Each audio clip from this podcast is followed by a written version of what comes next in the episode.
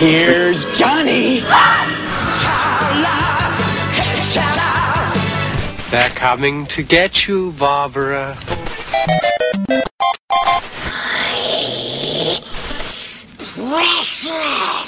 Expecto Patronum! Look at me, Damien. Yippee-ki-yay, motherfucker. eherbata.pl eh, Gonna be legend. Wait for it. It's a trap! Dairy. Legendary. Żarłok i Skóra i Mando, Jerry, Szymas. oraz nasi goście. Konglomerat podcastowy. Wasze ulubione podcasty w jednym miejscu. Zapraszamy. Zapraszamy. Zapraszamy. Zapraszamy.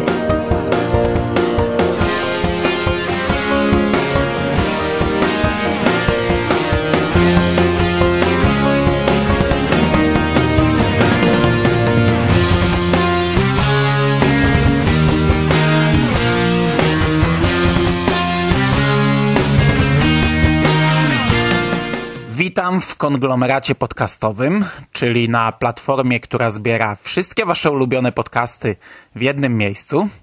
Ja nazywam się Hubert Spandowski. Możecie kojarzyć mnie jako Mando z serwisu StephenKing.pl i podcastu Radio SK. A dzisiaj opowiem wam o najnowszej książce z serii Star Wars, która ukazała się na naszym rynku, czyli opowieści Dziedzic Jedi.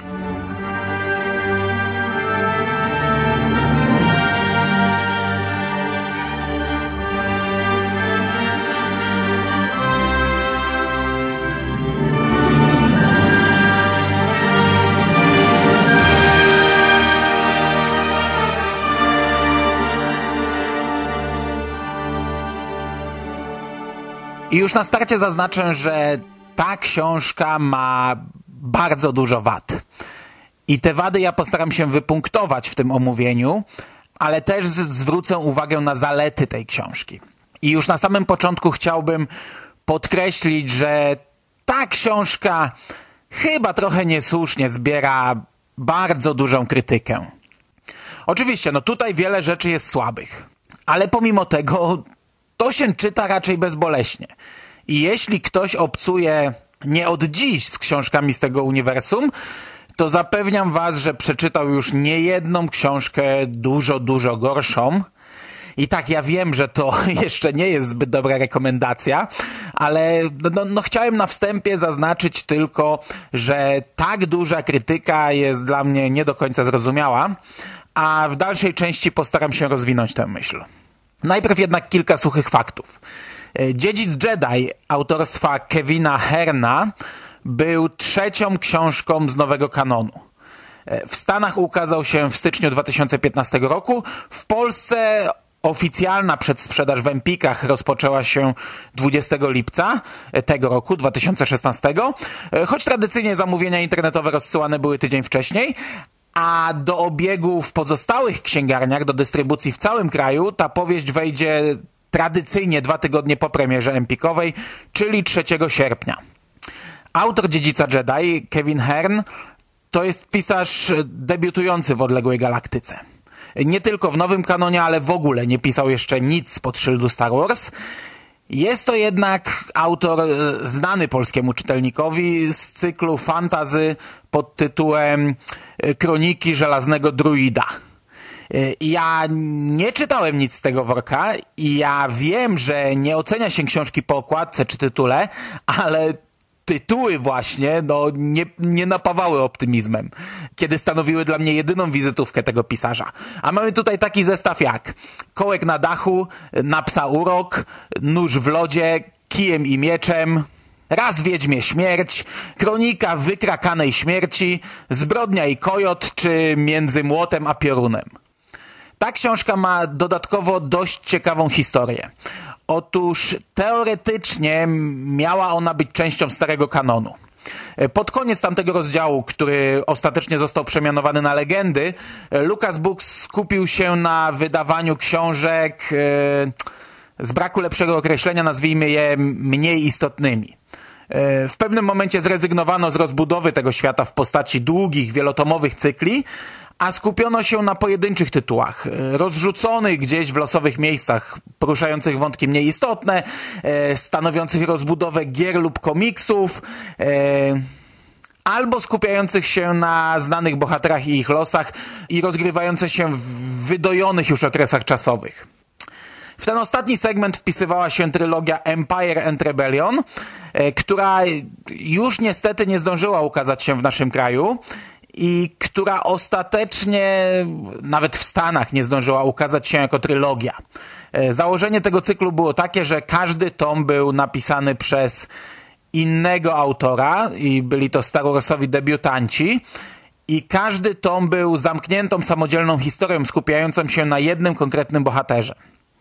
I tak w 2013 wyszedł, wyszedł pierwszy tom, wyszła pierwsza książka Razor's Edge yy, i ona skupiała się na postaci Lei, a rok później w 2014 wyszła książka Honor Among Thieves i ta książka skupiała się bodajże na postaci Hanna Solo i pewnie Czubaki. Dziedzic Jedi Kevina Herna pierwotnie miał być natomiast trzecim tomem tej serii. Miał być trzecim tomem serii Empire and Rebellion. E, I to oczywiście nie jest informacja oficjalna, no ale zarówno e, zapowiedziana już wcześniej data premiery, jak i nazwisko autora było, było zgodne. A skoro książka dotyczy Luka i skupia się konkretnie na nim, no to można założyć, że to był właśnie ten e, trzeci tom i że można śmiało zakładać, że ta książka po prostu była już napisana, a że ona ma mikroskopijny wpływ na cały świat Gwiezdnych Wojen, no to pewnie nie chciano marnować materiału i postanowiono przerzucić ją do nowego kanonu i wydać jako samodzielny utwór. Ja przypominam tylko, że starego rozszerzonego uniwersum postanowiono już dalej nie rozwijać, więc ten tytuł nie mógł ukazać się z łatką legendy. Ale jeśli ktoś jest fanatycznym ich wyznawcą i powiedział sobie, że nie, że nie ruszy książek od Disneya, no to w tym przypadku może śmiało traktować tę powieść jako integralną część legend. Akcja Dziedzica Jedi rozgrywa się niemal bezpośrednio po epizodzie czwartym, po Nowej Nadziei. W książce mamy krótkie występy księżniczki Lei, ale całość raczej skupia się na Luku. Nie ma tutaj natomiast Hanna i Chewiego, którzy gdzieś wylecieli. Na chwilę obecną można założyć, że są na misji, która opisana została w młodzieżówce Ucieczka szmuglerów. Wydarzenia z Dziedzica Jedi rozgrywają się jeszcze przed drugą młodzieżówką, wydaną w Polsce przez Egmont pod tytułem Miecz Jedi, w której Luke nieco więcej dowiaduje się o mocy, nieco sprawniej się już ją posługuje. No i rozgrywają się przed komiksową główną serią od Marvela pod tytułem Star Wars, w której Luke korzysta z zapisków Bena Kenobiego, no ale z samą mocą radzi sobie nadal jeszcze umiarkowanie dobrze. W Dziedzicu Jedi on stawia pierwsze kroki w tym temacie i jak sam autor podaje w, w krótkim wstępie, od dziecka zastanawiało go, jaką drogę przeszedł ten bohater pomiędzy epizodem czwartym a piątym, w którym już na początku w jaskini Wampy umie przywołać do swojej dłoni miecz świetlny. Gdzie i kiedy i w jaki sposób się tego nauczył. I jak podkreśla autor, e, zastanawiało go to w dzieciństwie, no i nigdy nie przypuszczał, że kiedyś dostanie możliwość, by samemu o tym napisać. I tę część, elementy związane z mocą, jej poznawanie przez Luka, pierwsze próby wpłynięcia na nią, pierwsze próby medytacji i przesuwania przedmiotów, Kevin Hearn opisuje naprawdę dobrze, zachowując jednocześnie umiar w tym temacie tak jak należy. Luke idzie po omacku, błądzi we mgle, ale poznaje moc i uczy się na własnych próbach i błędach. I to jest opisane dobrze i w duchu oryginalnych filmów. Czuć tutaj, że Kevin Hearn jest naprawdę gwiezdnowojennym nerdem i ten temat zna i ten temat szanuje. Niestety, czego nie można powiedzieć o tym pisarzu, to tego, by był dobrym pisarzem właśnie. I tutaj jest pierwszy i największy problem tej książki. Ona jest po prostu dość marnie napisana. Autor stosuje narrację pierwszoosobową i to jest dopiero drugi taki przypadek w historii gwiezdnowojennych powieści, w której akcję oglądamy z perspektywy pierwszej osoby.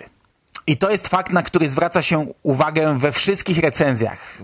Nawet nie tyle dlatego, że jest to rzecz tak wyjątkowa, co po prostu poprzedni taki przypadek, książka pod tytułem Ja Jedi, e, będąca rozwinięciem i uzupełnieniem trylogii Akademii Jedi, y, opisująca losy Korana Horna, uznawana jest za jedną z najlepszych powieści z tego worka.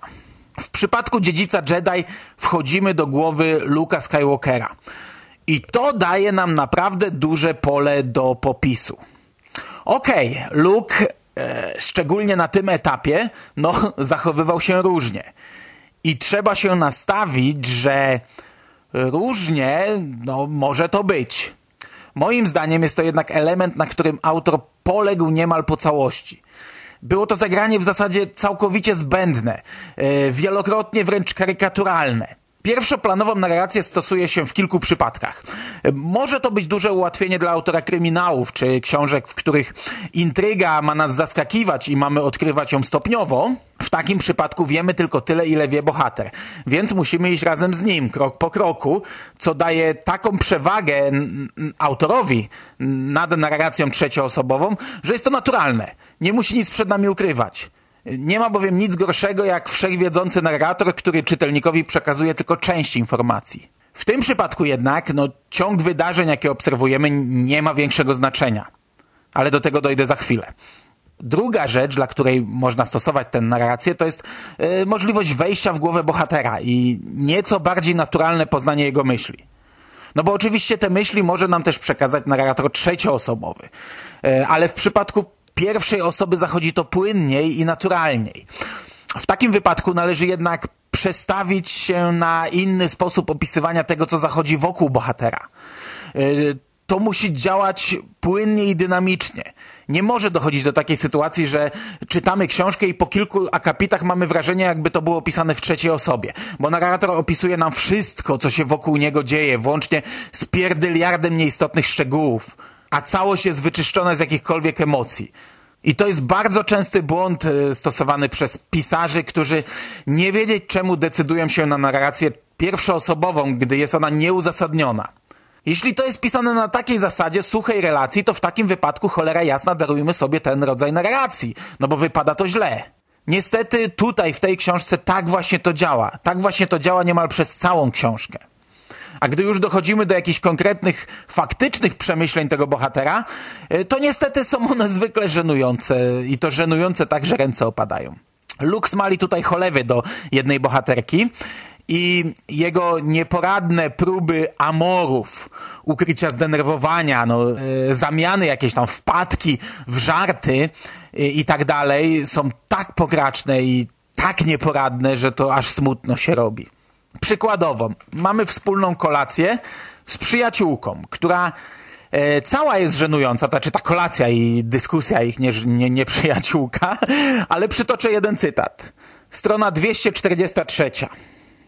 Luke mówi, prawda jest taka, że cieszę się, iż się spotkaliśmy.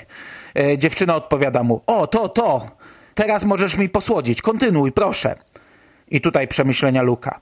Minęła dobra chwila, nim dotarło do mnie, że mówi w przenośni i ucieszyłem się, że połapałem się w tym, nim wstałem w poszukiwaniu słodzika w hotelowym pokoju.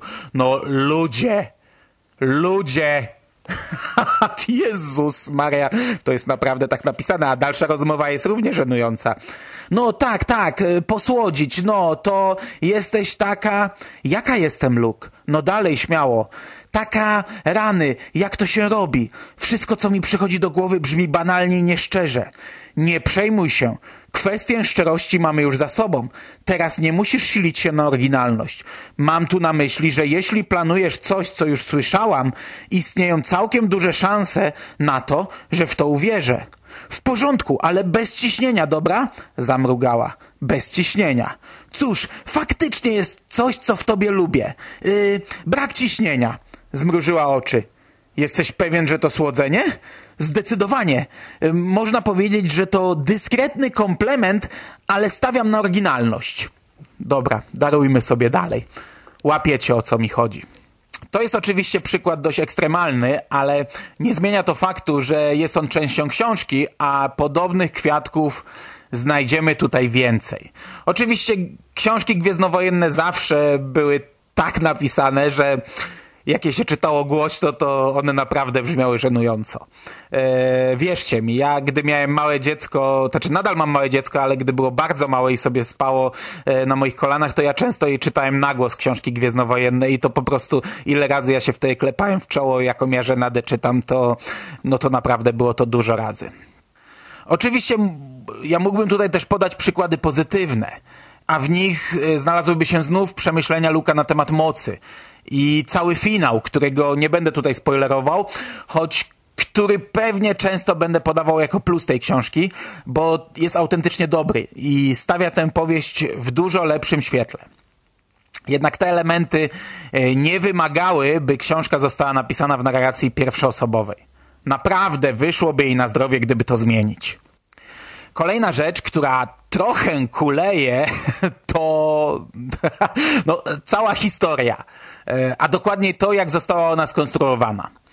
Ogólnie w książce chodzi o to, że Imperium przetrzymuje pewną genialną hakerkę i kryptografkę. Ona nie jest więźniem w sensie dosłownym. Przypomina to bardziej areszt domowy. Imperialni pilnują jej rodziny. E, Sama bohaterka może żyć no, względnie normalnie. Przemieszczać się po ulicy, korzystać ze wszelkich dobrodziejstw, ale jest cały czas otoczona obstawą. Luke wraz z przyjaciółką, tą, do której smali cholewy, ona nazywa się Nakari, y, zostają wysłani na misję odbicia tej hakerki z rąk Imperium. Ale zanim do tego dochodzi, to my śledzimy cały szereg innych wydarzeń. Ta książka jest napisana trochę jak gra, w której trzeba przejść jedną misję, by odblokować kolejną. I w ten sposób Luke najpierw poznaje Nakari, kiedy ta pożycza mu swój statek, kiedy ten udaje się na Rodię w celu nawiązania kontaktów z lokalną komórką. E, wylatując z planety wdaje się w małą bitewkę z Imperium, które ściga jakiś randomowy statek, a, a Luke nieważne, że działa pod przykrywką, że leci drogim, pożyczonym statkiem i leci nim w tym celu, by pozostać nierozpoznawalny, no to od razu wdaje się w walkę i ładuje do tajów, broniąc, broniąc nie wiadomo kogo. Bez żadnych emocji leci, patrzy, lecą taje, to on je zestrzeliwuje. Potem okazuje się to istotne, bo wiąże się z główną misją, ale to potem. E, na miejscu okazuje się, że główna Rodianka e, miała wujka, który znał Anakina Skywalkera. Ten uratował mu kiedyś życie, ale wujek nie przeżył rozkazu 66, choć ostatkiem sił zdołał dolecieć na planetę, na której został pochowany. E, W ten sposób rodzi się kolejna wyprawa. Lecą na jego grób. E, Na miejscu walczą z lokalnym stworem. Z grobu e, wynoszą miecz świetlny wujka. Pokonują stwora. I, I to są zaledwie dwa pierwsze rozdziały. To wszystko prowadzi do fajnego motywu, kiedy Luke rozkłada zdobyty miecz i uczy się na nim, jak taki złożyć. I tutaj kolejna ciekawostka, e, bo e, my podkreślaliśmy w kilku recenzjach, że nowy kanon nie rezerwuje umiejętności korzystania z miecza świetlnego tylko dla Jedi, ale okazuje się, że aby taki zbudować, no to trzeba być Jedi, trzeba umieć korzystać z mocy. No, być Jedi albo Sithem, po prostu być użytkownikiem mocy. Czyli korzystać może każdy, walczyć e, pałką świetlną może każdy, ale zbudować ją umieją tylko ludzie, którzy są otwarci na moc. W końcu Luke zostaje wysłany na tę główną misję, ale okazuje się, że statek trzeba dozbroić, a rebelia nie ma środków finansowych, by to zrobić. Trzeba zatem zdobyć te środki finansowe na własną rękę. E, bogaty ojciec Nakari nie da jej funduszy, ale ma dla niej zadanie, które jeśli wykonają, to on im za nie odpowiednio zapłaci. No i tak zaczyna się kolejna misja rodem z obcego, kiedy Luke i Nakari lecą na niezbadany dotąd księżyc, na którym zaginęły już dwie ekipy. E, Przeczesują ich statki, które zamieniły się w wymarłe grobowce i mierzą się z lokalnym, niezwykle groźnym i niezwykle inteligentnym gatunkiem. I mamy tutaj wydarzenia zarówno w dżungli, jak i w opuszczonym statku. I to jest fajne, ale no, rozumiecie już chyba o, o co mi chodzi, rozumiecie chyba co mam na myśli, jak idiotycznie skonstruowana jest ta powieść. Drużyna robi swoje, wraca, inkasuje należność, znów udaje się na Rodię, upgrade'uje statek i wreszcie wyrusza na główną misję. I od tej pory zaczyna się już dość spójna historia, ukazująca odbicie więźnia i ucieczkę z nim, ale to jest druga połowa książki. Każdy rozdział jest tutaj przedstawiony w postaci matematycznego równania, e, wykorzystującego losowe matematyczne symbole. E, Przykładowo mamy coś takiego. Rozdział plus minus 8 e, do kwadratu, kreska ułamkowa i w mianowniku pierwiastek z delta kwadrat dodać epsilon. Słowo rozdział i jego numer, czyli w tym przypadku ósemka, jest napisane na czarno, a reszta na szaro, tak żeby rozróżnić to. I często to są dużo, dużo bardziej skomplikowane zapisy. Po co taki zabieg? Tyczy się to właśnie więźnia, którego odbija nasza główna dwuosobowa załoga. Hakerka jest przedstawicielką rasy, która wygląda trochę jak ludzki szkielet. Jej głowa wygląda w zasadzie jak goła czaszka ludzka, a sama postać, jak i cała jej rasa to są matematyczni geniusze. I tak ona ciągle posługuje się takim językiem. Jakby wszystko analizowała, obliczała prawdopodobieństwo każdego kolejnego zdarzenia. I, I tak wyglądają dialogi z nią. Oni ją pytają, e, myślisz, że Imperium znajdzie nas na tej planecie? Nie wiem, muszę obliczyć najpierw drabiny prawdopodobieństwa. No, te, te, te, tak to mniej więcej wygląda. I to jest kuźwa tak męczące, Szczególnie gdy z matematyką mam styczność na co dzień, a fantastykę czytam tylko po to, by sobie odpocząć od rzeczywistości, by sobie znaleźć odskocznie od prawdziwego świata. I to jest też momentami karykaturalne. E, przykładowo, przedstawiciele tej rasy nie witają się ze sobą zwykłym cześć czy dzień dobry, a w dobrym guście jest zadanie im równania i poczekanie na wynik i wysłuchanie i rozwiązanie równania zadanego przez nich. Ponoć, aby uniknąć nieporozumień, oni zawsze zadają równanie, którego wynikiem jest liczba 3, no poważnie, ale by nie złamać etykiety, to im trzeba zadać jakieś prawdziwe równanie, dające im możliwość faktycz faktycznego rozwiązania, faktycznego wykazania się w tej dziedzinie. I tutaj przytoczę znów cytat obrazujący absurd tej sytuacji. Luke odbija więźnia, oni uciekają kanałami, brodzą po kostki w gównie. E, imperialni depczą im po piętach. Luke biegnie z mieczem świetlnym w ręku, odbija wiązki blasterowe, a rozmawiają ze sobą w sposób następujący. Uwaga, uwaga, strona 147. Pozdrowienia od sojuszu. Miło mi cię poznać. Jestem Luke Skywalker. Nadeszła pora, by wyrecytować równanie, które powtórzyłem sobie tego ranka. Czy podczas ucieczki przed twoimi strażnikami nie zechciałabyś podać mi wartości własnych i wektorów dla macierzy o wymiarach 3 na 3 i wartościach 1, minus 3, 3, następnie 3, minus 5, 3 i 6, minus 6, 4? Jestem pod wrażeniem, Luke Skywalkerze. Bądź pozdrowiony. Poprowadziłem ją za pierwszy zakręt, dzięki czemu zyskaliśmy widok na tunel ściekowy biegnący wzdłuż ulicy i sam ściek. Nim uszliśmy kilka kroków podjęła. Jeśli zaś chodzi o odpowiedź na twoje pytanie, wartości własne dla tej macierzy wynoszą 4 minus 2 minus 2 z powiązanymi wektorami pierwiastek z 6 przez 6 razy wektor 1, 1, 2, następnie pierwiastek z 2 przez 2 razy wektor minus 1, 0, 1 i pierwiastek z 2 przez 2 razy wektor 1, 1, 0. Oczywiście w postaci znormalizowanej i zracjonalizowanej. Oczywiście, powtórzyłem, chociaż miałem tylko mgliste pojęcie o czym mówi. To jednak dało mi niejaki osąd na temat matematycznego geniuszu skrywanego za tą twarzą bez wyrazu. Koniec cytatu. Wow. no dobra, no to teraz może kilka plusów. Po pierwsze, mimo wszystko czyta się to bezboleśnie. Tak, ja wiem, że to jest mizerny plus, no ale dla fanów Gwiezdnych Wojen, którzy czytają książki nie od dziś, to, to coś znaczy. Większość tej książki nie rozwija niemal w ogóle tego świata i jest to pozycja przeznaczona raczej dla hardkorowych fanów, którzy po prostu czytają wszystko, ale jest też kilka naprawdę ciekawych elementów. Po pierwsze właśnie Luke i moc. To jest naprawdę dobrze opisane. E, Luke faktycznie dopiero poznaje moc. Nie jest przekoksem, jak to bywało w wielu opowieściach z tego okresu. Cały ten wątek jest fajnie rozpisany i rozplanowany. Jest napisany z umiarem, subtelnie teoretycznie brak może jakiegoś podsumowania tych szkoleń, czy jakiegoś punktu kulminacyjnego w postaci pojedynczego wykorzystania mocy w ostatniej walce, ale jest tutaj inne podsumowanie, które wypada znacznie lepiej. W finale Luke odkrywa dużo więcej na temat mocy i tutaj bez większego zagłębiania się w temat wypada to naprawdę bardzo dobrze i, i sporo wyjaśnia na temat, na temat mocy właśnie. Kolejnym plusem jest fakt, że autor porusza wątki, których rozwiązanie my już znamy jako czytelnicy i jako widzowie, ale nie zna ich jeszcze nasz bohater. I tak mamy tutaj poruszony wątek Luka i Lei. Tego, co ten pierwszy czuje do tej drugiej i, i ponownie. To nie jest jakoś nachalnie nam zaserwowane. I tutaj naprawdę należą się ukłony, bo e, tak jak powiedziałem, ten autor miał raczej dość poważne problemy w subtelnym przekazaniu emocjonalnej natury bohaterów, a w tym przypadku delikatnie, mimochodem przemyca nam informację, że Luke czuje coś do Lei i to jest fajne, kiedy czytelnik wie, kim są dla siebie te postacie, ale oni jeszcze tego nie wiedzą.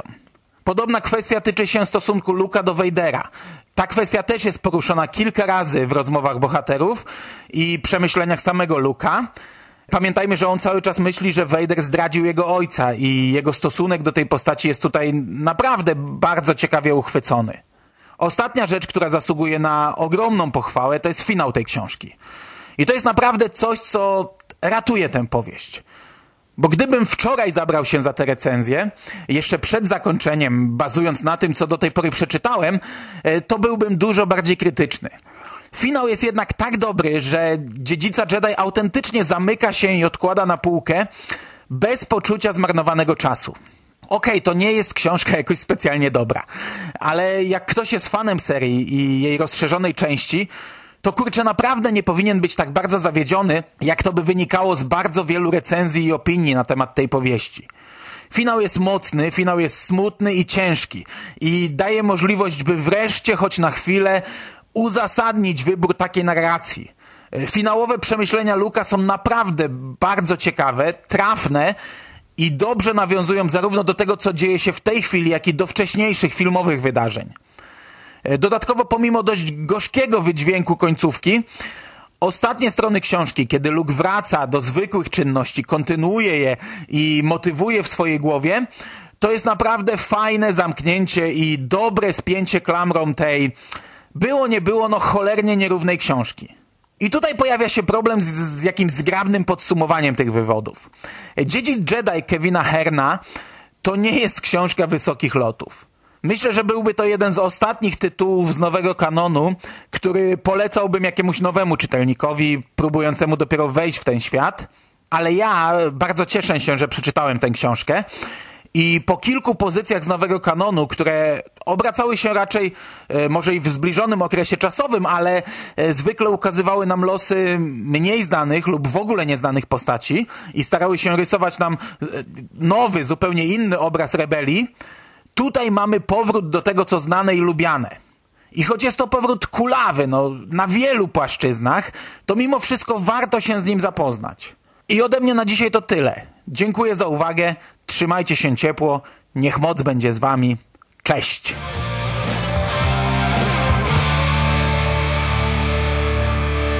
You finished? That's it, man. Game over, man. It's game over. What the fuck are we gonna do now? What are we gonna do?